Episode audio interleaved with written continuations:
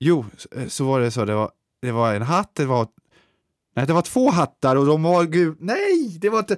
Vänta här, jag tar om det. Från, det var så här att det var en hatt som... jag får säga, det var en hatt som hade tre kanter. Det blir helt fel det här. Nej, jag, jag, Det är det här som är storysyndromet.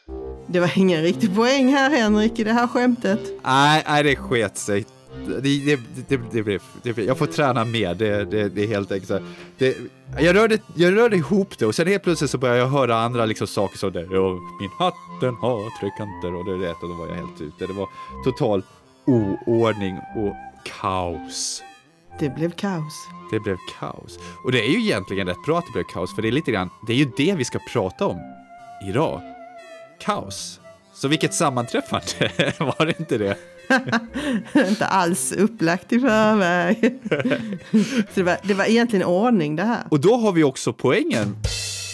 När vi pratar om kaos i vanliga fall ser man bilder framför sig av total oordning och rörigt och jag som en skrivande människa tänker när jag ska skriva någonting och jag har lappar överallt, jag har idéer skrivna i olika dokument på datorn och, och det är i huvudet så kommer så här äh, lösningar, så ja men om jag gör det, det händer där och vad, så här, men hur ska jag komma ihåg det där? Då har jag en känsla av att det är kaos många gånger när jag skriver. Så det är väl bara egentligen att ta den här scenen från kaosscenen från Jurassic Park där Ian Malcolm, alltså Jeff Goldblums karaktär, förklarar kaosteorin. Det är bra att du berättar vem som är vem här, för jag har faktiskt inte sett Jurassic Park.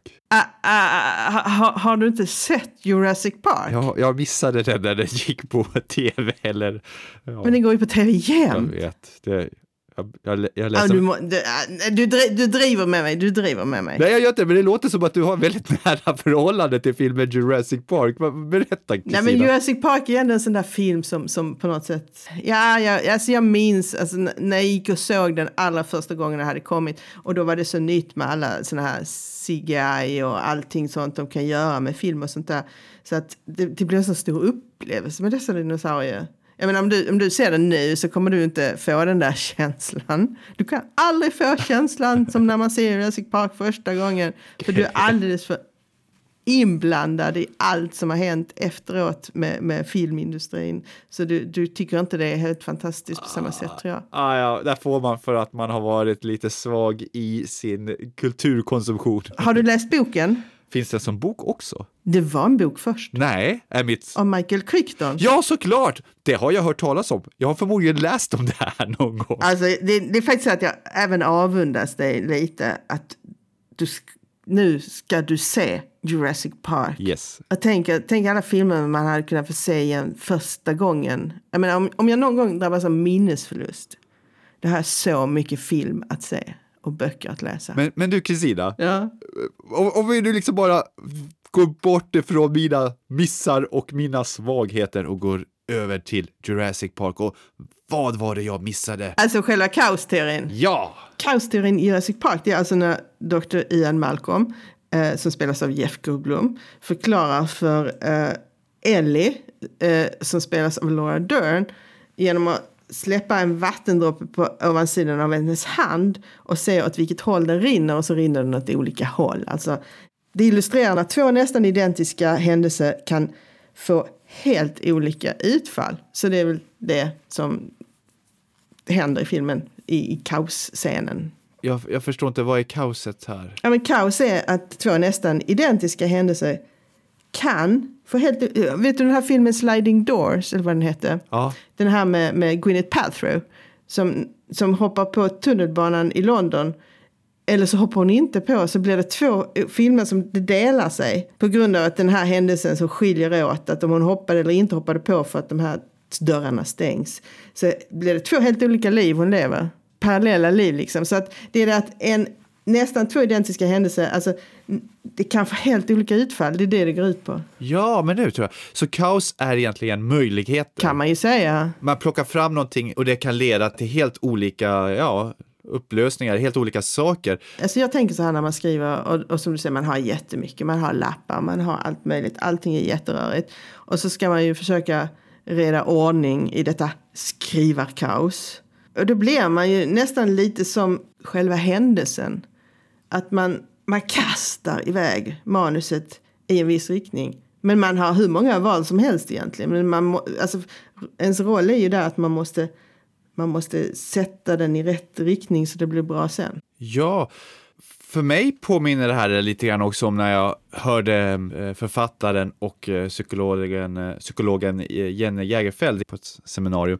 Hon jämförde sitt skrivande med att vara psykolog och sa att för vissa av hennes klienter så är allting kaotiskt. Och då är det hennes uppgift i terapin att på något sätt sätta alla de här kaotiska livshändelserna i en viss ordning så att deras liv blir begripligt kan man säga och inte känns så kaotiskt för dem. Och det här tyckte jag kändes väldigt klockrent för skrivandet också. Att när vi skriver så ska vi förmedla en berättelse, en karaktär och vi är ju lite grann kaotiska på många sätt om man zoomar in på hur vi är som personer. Att ena stunden så gör vi det och andra stunden gör vi så så vi äter korvplusset på en bensinmack och sedan kanske vi sitter på en fin restaurang och äter eh, eh, musslor. Eh, men... alltså jag, tycker, jag tycker nog inte att det är kaos egentligen, utan det är determinism. Alltså jag som författare utövar determinism. Visserligen väljer jag en riktning, men jag väljer ju den och sen så låter det hända. Det, alltså det blir jättekrångligt det här. Alltså med själva storyn blir ju deterministisk eftersom jag i min eh, gudalika position som författare sitter och lägger ut allting som ska hända och jag, jag liksom pekar med hela handen hit eller dit. Så jag vet inte om det är kaos. Jag, jag kommer ju att tänka på kaos i, i mytologier. Jag tycker det är väldigt spännande med skapelseberättelser till exempel. För när man ser närmare på det så är de flesta skapelseberättelser väldigt lika. Och de eh, bygger ju på det här att det fanns ett tomrum som, som man kan kalla kaos. Det är ju grekiskt ord, kaos, och, och det är ju var för att enligt grekisk mytologi så var kaos det, det stora tomrummet innan alltings början. Och utifrån den här oordningen så skapades kosmos som är den ordnade världen. Och, och, i den nordiska mytologin så fanns det ju den här kaotiska världen som kallas för Genungagap, eller Genungagap. Och det, det betyder den magiska avgrunden där allting senare föddes. Vår värld kom ur den här platsen då, som var en avgrund, men magisk. Det var här Odin och hans bröder Ville och Ve dödade jätten Ymer och skapade jord, himmel och berg och träd av, av hans kropp. Ja, men visst, visst det, är, det är ju det. Det är ju skapa ordning. Eh, när man skriver. Och, och, och man, visst är det det, men samtidigt så, så, så um, känner jag att, att kaos kan du inte styra. Alltså det är när det gör det liksom... Det är inte det att det finns inget val i kaos som jag tror, eller jag vet inte. Men här har du det intressanta, tänker jag. Jag talar mycket om struktur när jag undervisar på Författarskolan i, i Lund.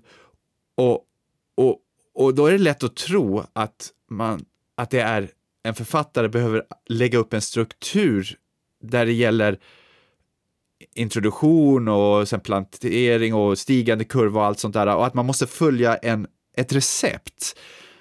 Men det är inte riktigt det som är struktur, utan strukturen finns egentligen i huvudet hos oss när vi börjar sortera bort det som är ovidkommande och har, det är egentligen en, en naturlig känsla för att berätta en historia. Men struktur behövs för att reda ur kaoset, så kanske att hitta de här berättelserna. Men det är inte det här att vi måste följa ett recept på en bok, att vi måste liksom plugga Hollywood-teorier för att skriva en bok, även om det kan vara till hjälp kanske. Ja, fast det är också så väldigt olika eh, från, från författare till författare, tänker jag. Alltså jag är absolut inte någon som kan sätta upp någon struktur i förväg och skriva efter den eller någon fin synopsis som jag sen följer. För att jag känner det när jag skriver så, så för ju texten med sig att, att den går i vissa riktningar hit eller dit. Medan jag däremot har ett slutmål så till slut ska allting nå fram dit. Jag tror att man mer kan säga att, att en berättelse är ett eget universum. Och i den berättelsen kan det råda kaos. Men där, då som författare är jag den som sitter och ordnar kaoset. Och då blir det lite som de här skapelseberättelserna. Alltså, det, det bara rör just berättelsen. Det går ju aldrig utanför det. Det är bara, det är bara den världen. Och, och, och att och ibland säger ju, det finns ju de som säger, när de skriver så säger de Åh, mina karaktärer borde, började göra saker eh, på egen hand ungefär. Jag visste inte det och åh, det var så spännande för att de, de började agera och allt sånt. Men eh, jag kan inte påstå att det det är en fin grej att säga, men det har nog egentligen aldrig hänt mig. För att jag känner ju att jag har ganska mycket liksom, att säga till om hela tiden. Och ganska mycket koll på vad som händer.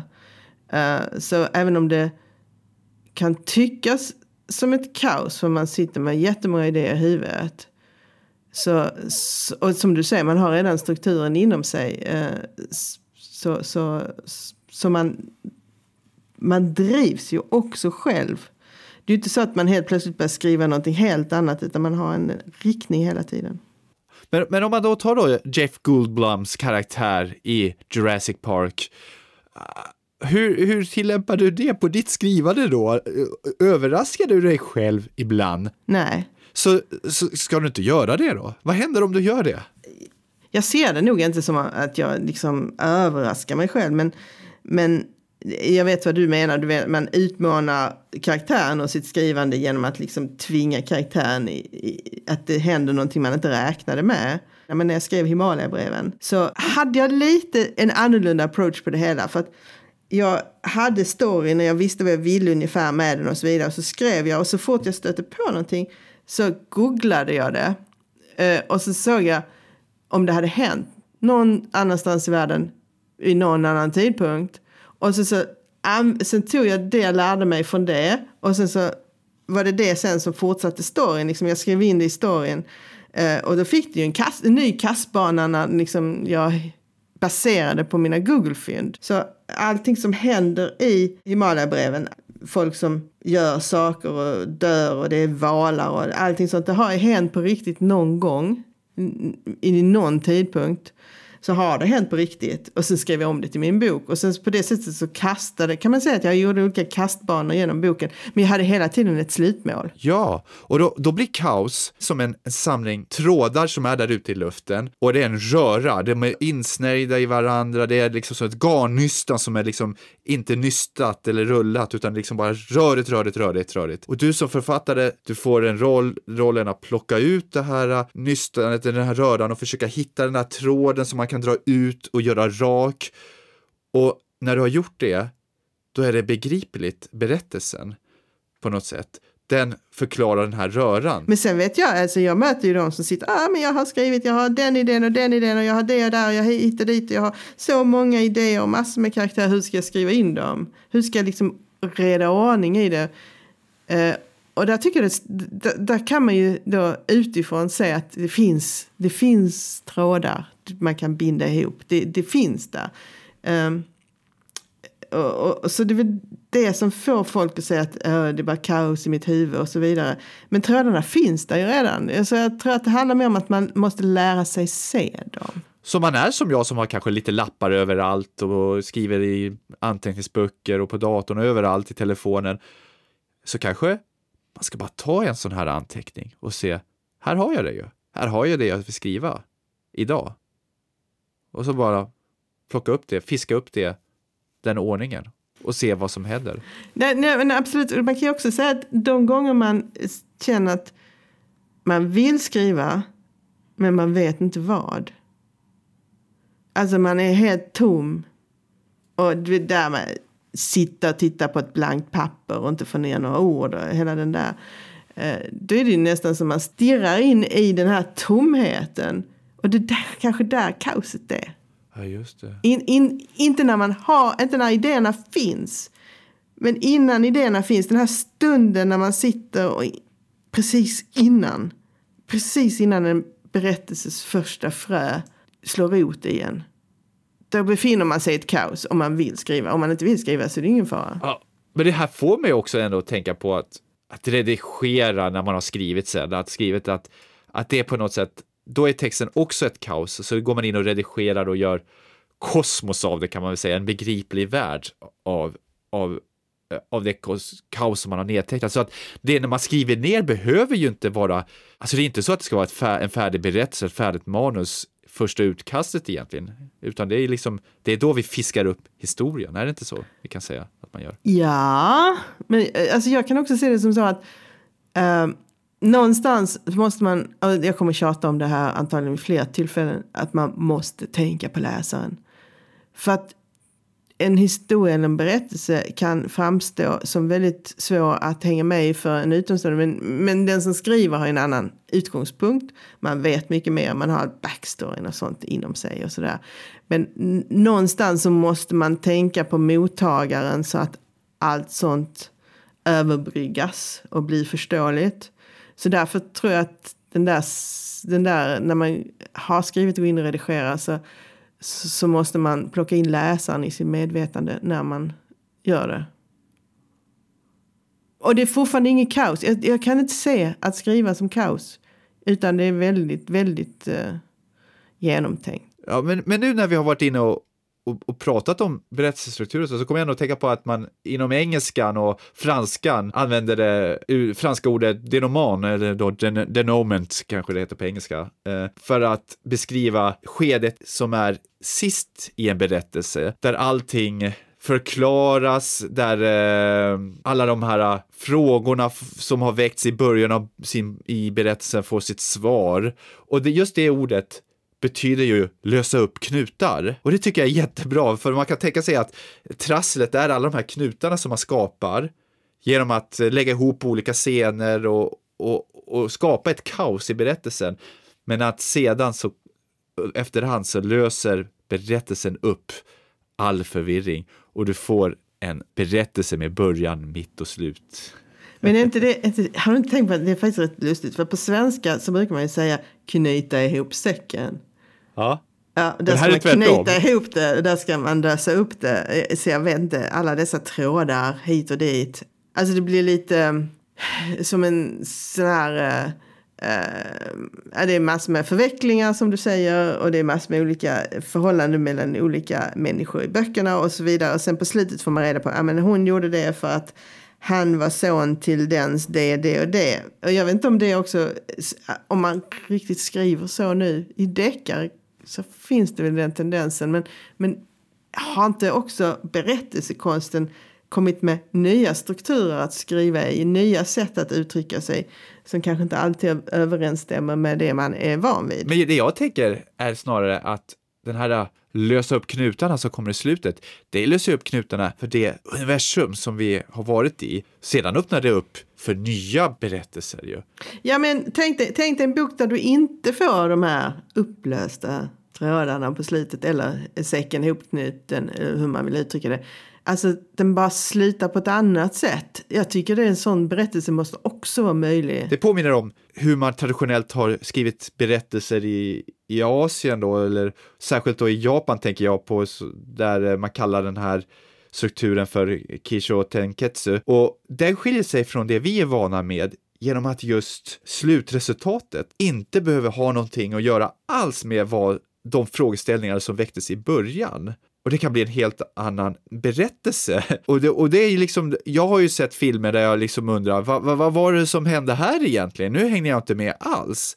Men om de är sådana, om de, om de är så att de har, att slutet inte är det vi förväntar oss med vårt sätt att se på hur berättelser är, där vi, vi har någon sorts tillfredsställelse. Uh, det behöver i och för sig inte vara liksom eh, Hollywood happy ending, men, men vi vill ändå ha att det slutar och vi känner oss nöjda, vi har fått liksom allt vi vill av den här berättelsen, utan då kanske lämnar läsaren med en fråga. Ja. Alltså att man ställer en fråga till vad man just har upplevt, för det blir liksom jag kan tänka mig att det är någonting sånt. Jag vet inte, men jag tycker det är ett intressant sätt att, att bygga upp. Alltså berättelse behöver inte... Då blir det mer liksom som det här att det händer saker och det blir nya kastbanor och så slutar man i någonting helt annat. Det är mer egentligen likt livet. Ja, det är det faktiskt. Vi kan sluta på det med något helt annat så vi följer den här asiatiska traditionen. Så, att, så för att knyta ihop säcken för det här avsnittet då, så kan jag berätta min vits nu, helt enkelt. Okej. Okay. Det var två hattar och en fes. Och det var fortfarande inte roligt. Du har lyssnat på Storysyndromet med författarna Kristina Hård och Henrik Pettersson. Podden som inte kan låta bli att leta berättelser och hitta idéer. Vi finns på storysyndromet.se.